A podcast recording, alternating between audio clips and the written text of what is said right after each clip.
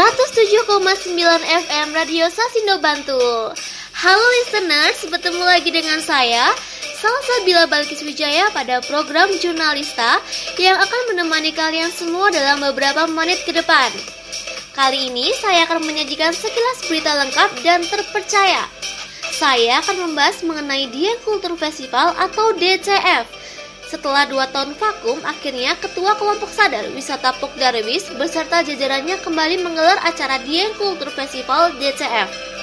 Ketua Kelompok Sadar Wisata Pok Darwis, Ali Fauzi, mengatakan serangkaian acara Dieng Kultur Festival DCF digelar seperti tahun-tahun sebelumnya, mulai dari rebutan rambut gimbal, kira budaya, festival kopi, jazz atas awan, dan pesta lampion di puncak acara. Festival ini berlangsung pada hari ini dan lusa. Kegiatan pariwisata ritual budaya dilaksanakan di Desa Dieng Kulon, Kecamatan Batur, Banjarnegara. Dieng Kultur Festival DCF tahun ini mengangkat tema Tune of the Light yang artinya kembalinya cahayanya atau pulihnya kondisi masyarakat setelah dua tahun vakum karena pandemi. Ali Fauzi mengatakan, kegiatan Dieng Kultur Festival DCF diselenggarakan untuk upaya menggabungkan konsep budaya dan wahana wisata alam dengan misi pemberdayaan ekonomi masyarakat Dieng.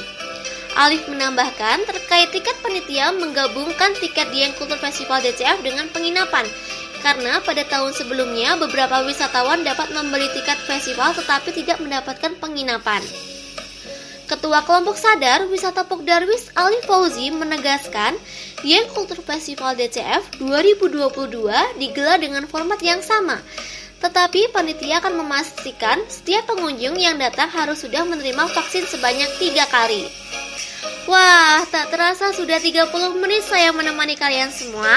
Sekarang saatnya saya undur diri ya Radio Sasindo Listeners. Minggu depan saya akan balik lagi di hari yang sama dan waktu yang sama. Untuk teman-teman yang akan pergi ke Dieng Kultur Festival DCF, jangan lupa ajak teman, sahabat, atau keluarga.